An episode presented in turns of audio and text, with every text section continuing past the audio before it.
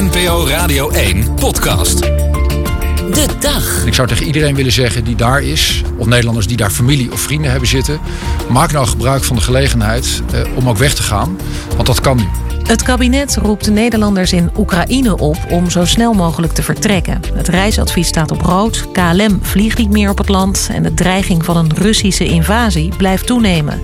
Maar de keuze om huis en haar te verlaten is niet makkelijk. In de podcast vertellen twee Nederlanders die in Oekraïne wonen over hun afwegingen. André Homma woont en werkt in de buurt van Kiev en heeft besloten om voorlopig te blijven. Net als, zo zegt hij, rond de 150 andere Nederlanders. En Inge Nammensma is met haar gezin wel in de auto gestapt en inmiddels aangekomen in Nederland. Fijn dat je luistert. Ik ben Elisabeth Steins en de dag is dinsdag 15 februari. Ik ben André Homma. Ik woon dus in Oekraïne, in Irpin, vlak buiten Kiev. Ja, je kunt het vergelijken als eh, de Amstelveen van uh, Amsterdam. Het ligt er letterlijk tegen Kiev aangeplakt. Ja, eigenlijk werk ik uh, digitaal, gewoon in Nederland. Maar ik woon in Oekraïne. Omdat ik het prettig vind. ja, ik hou van de cultuur, de mensen. Vooral tijdens de, alle coronamaatregelen. Dat merk je niet zo. er, zijn hier, er zijn hier meer maatregelen ja, niemand houdt zich eraan.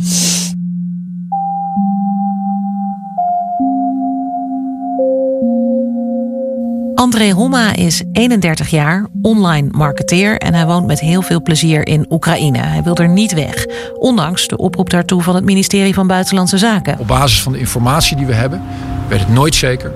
Uh, maar is het nu wel opportun uh, om die heel vergaande stap te nemen en tegen Nederlanders te zeggen: uh, ga naar huis, maak van de gelegenheid gebruik om het land te verlaten. Ook andere westerse landen hebben hun burgers opgeroepen om te vertrekken. American citizens should leave, should leave now. Berichten over de Russische troepenopbouw aan de Oekraïnse oostgrens en vermeende plannen van Poetin om Oekraïne binnen te vallen zijn er al sinds eind vorig jaar. Maar de laatste weken is de spanning steeds verder opgelopen en is er vooral ook een gigantische berichtenstroom op gang gekomen. Het Witte Huis zegt nu bijvoorbeeld dat er mogelijk deze week al een Russische inval komt. We are in the window when an invasion could begin at any time should Vladimir Putin decide to order it. It could begin during the Olympics, uh, despite a lot of speculation uh, that it would only happen after the Olympics. Anderen noemen zelfs een concrete datum, maar die wordt dan ook weer tegengesproken. Al die informatie zorgt alleen maar voor chaos en paniek, zegt de Oekraïense president Zelensky. And now the best friend for enemies that is panic in our country. And all this information that helps only for panic doesn't help us.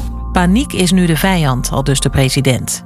Hoe het ook zij, al die berichten maken het voor inwoners van Oekraïne moeilijk om te wegen wat ze nou moeten doen. Vooral omdat er op straat nog weinig van die dreiging te merken is, zegt André Homma. Hij woont op 10 kilometer afstand van een legervliegveld en ziet nog weinig beweging, zegt hij. Af en toe hoor ik wat vliegtuigen, maar, of helikopters, maar op straat, alles gaat gewoon door. Hij gelooft niet dat er iets staat te gebeuren en hij blijft dus waar hij is. Maar sinds gisteren, zegt hij, begint hij toch wel iets nerveuzer te worden.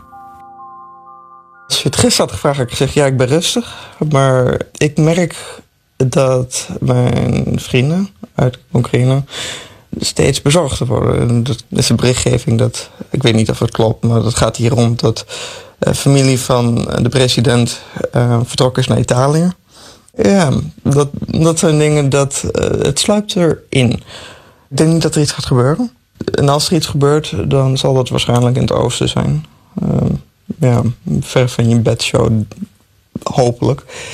Maar je onderbuikgevoel, ik, ja, ik merk het toch. Ik zorg dat ik de tank van de auto vol heb.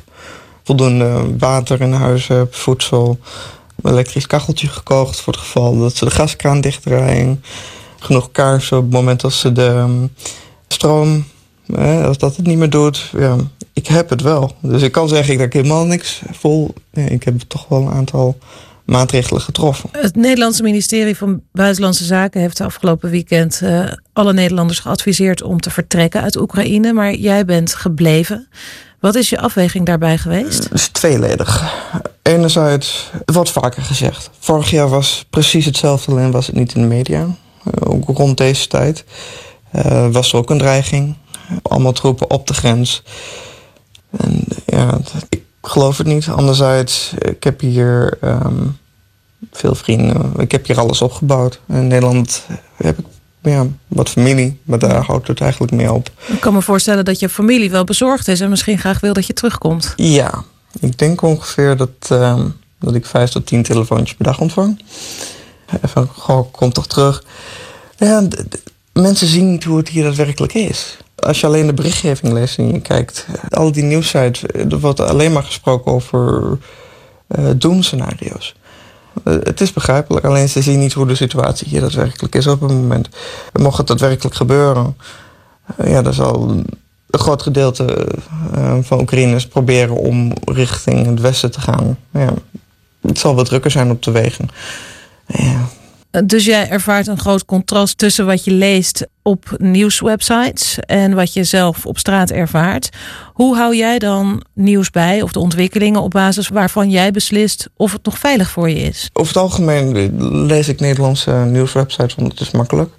Maar kijk, twee keer per dag de lokale nieuwswebsites nou, om te kijken wat uh, het verschil is.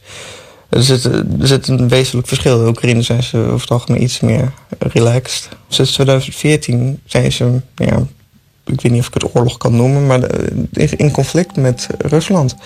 Ja, ze zijn wel wat gewend.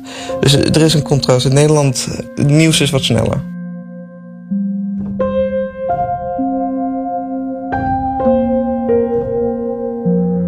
De vraag is dan een beetje: is dit van jou en van de Oekraïners om jou heen een realistische benadering? Of kan het ook een soort zelfverdedigingsmechanisme zijn? Van dat je het je niet kan voorstellen dat er echt een oorlog ontstaat, of dat je het niet wil voorstellen dat dat gaat gebeuren? Het is, uh, als ik het mijn vrienden vraag, wat is jullie mening? Wat zou je doen op het moment als er wel um, iets gebeurt?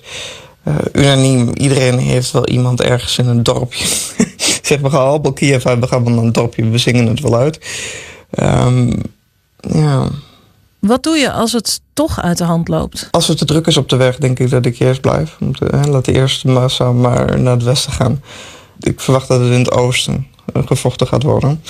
Ja, het ergste geval um, richting het westen gaan. En dan of de grens met Slowakije, Polen, Hongarije of Moldavië over. Zijn er eigenlijk nog andere Nederlanders in Oekraïne met wie je in contact bent die ook zijn gebleven voorlopig? er zijn een aantal Facebookgroeps waar Nederlanders samenkomen. Wat ik begreep zijn er ongeveer 150 Nederlanders in Oekraïne nog steeds. Die er nog zijn, die dus niet, niet na het advies van afgelopen weekend zijn vertrokken. Ja, ik weet dat er eentje eh, woont in een, een, dorp naast mij, maar daar houdt het in principe mee op. En nu in deze situatie uh, is er dus een, een, een, deel van die groep die ook blijft, net als jij. En uh, maken zij dezelfde afweging van dat ze zeggen, ja, die berichten, die nemen we met een korreltje zout? Ja, en daar was gisteren een hele discussie waar het of het algemene is dat er niet gelooft wordt dat Rusland zal komen. Uh, oftewel, ze kunnen niet, zich niet permitteren. Dat, dat is de algemene consensus. Het lijkt me toch heel ingewikkeld, want uh, zoals het altijd gaat met dit soort conflicten, is er een heleboel informatie, waarvan ook een heleboel. Het, is ook, het wordt ook wel een informatieoorlog genoemd, hè? contrasterende informatie en waar je je dan op moet baseren. En uiteindelijk um, komt, het, komt het dan misschien voor jullie aan op je onderbuik of je wel of niet blijft en hoe je die beslissing maakt? Um, ja, in principe uiteindelijk niemand weet het. Uh, de, de, niemand weet wat er gaat gebeuren. Het is alleen Rusland wat weet of er wel iets uh, of niets gaat gebeuren. Uh, kijk, op het moment wordt er gesteld... Um, Rusland zegt we gaan niks doen. Oekraïne zegt we gaan niks doen. Gaan we er maar vanuit. André Homma gaat ervan uit dat de Russen niet komen. En met hem zijn er meer Nederlanders in Oekraïne die er zo over denken. Er zijn er ook die het zekere voor het onzekere nemen, zoals Inge Nammensma. Ik ben, uh, ben Inge Nammensma dus. En ik ben in uh, 2019 samen met mijn uh, man Willem Nammensma en onze twee kindjes Thijs en Elise van 5 en 10 zijn wij naar Oekraïne verhuisd, naar Lviv. Inge woont nu alweer een paar jaar in Lviv, in het westen van Oekraïne, op een half uurtje rijden van de Poolse grens. Eerder woonde ze ook al enkele jaren in Oekraïne met haar man, die daar in de aardappelindustrie zit. Toen nog zonder kinderen en inmiddels dus met. En dat maakt dat je een beslissing om te vertrekken anders afweegt, vertelt ze. Wij merkten natuurlijk al dat er een hele toestroom naar Lviv kwam vanuit het oosten. Dus de stad werd al, uh, al drukker. We merkten het bij al onze kennissen en vrienden eigenlijk wel. Dat, uh, ja, dat ze voorraden gingen inslaan. En dat ze zich eigenlijk heel erg op een, toch een, een mogelijke oorlog aan het voorbereiden waren. En met wapens in huis te halen. En we hadden de laatste weken toch al vijf bommeldingen op de school van onze kindjes gehad. Dat we zeiden, ja, als we hier, als we hier nu blijven zitten en de paniek breekt wel uit, dan is het totale chaos. En dan is de vraag of wij überhaupt nog wel met de auto het land uit kunnen als we dat willen. En ik moet eerlijk zeggen, dat was toch wel iets dat mijn man en ik zeiden: wij willen onze kindjes gewoon niet in een uh, in zo'n situatie brengen. En laten we gewoon eerst maar een weekje naar Nederland gaan. Het is ook niet dat we definitief het land hebben verlaten. Alleen nu, doordat ze zo stellig nou ja, verwachten dat er toch de komende dagen wat kan gebeuren, zeiden we laten we dan gewoon eerst een week naar Nederland gaan. En laten we het op afstand even bekijken. En als het enigszins kan en het blijft wel rustig, dan vliegt mijn man vrijdag weer terug naar Lviv. Blijf ik hier toch nog een paar dagen met de kindjes om het, om het toch even te aanschouwen. Jullie voelden je onveiliger. Zijn jullie toen met de kinderen gaan zitten? En wat, heb, wat hebben jullie tegen ze gezegd? Ja, dat, uh, nou ja, dat we eigenlijk toch wel twijfelden of, wij, of we er verstandig aan deden om, uh, om te blijven. En onze dochter die is, uh, is tien en die, had, nou, die was eigenlijk eerst wel een, een klein beetje ja, teleurgesteld eigenlijk. Dat we, dat we toch zeiden van we willen toch Oekraïne even verlaten. Want ze zegt, ja waarom? Hè? Want mijn klasgenootjes en mijn vriendinnetjes hebben eigenlijk er nog niet zoveel last van. En op school wordt er niet zo heel veel over gesproken. Hè? Daar wordt de rust wel heel erg bewaard. Uh, is, het, is het allemaal echt zo ernstig? En dat zeiden wij, ja, we, weet je, we, we, weten het niet. Het heeft misschien ook wel wat angstigs, ook misschien voor jezelf, maar zeker voor kinderen, om ja, in te pakken en te vertrekken uh, met het idee dat er misschien een oorlog komt. Ja, en natuurlijk dat dan klasgenootjes en vriendjes en vriendinnetjes daar natuurlijk ook allemaal zitten. En natuurlijk, wij hebben ons, ons leven daar ook. We hebben al ons spul daar, we zijn er naartoe geëmigreerd.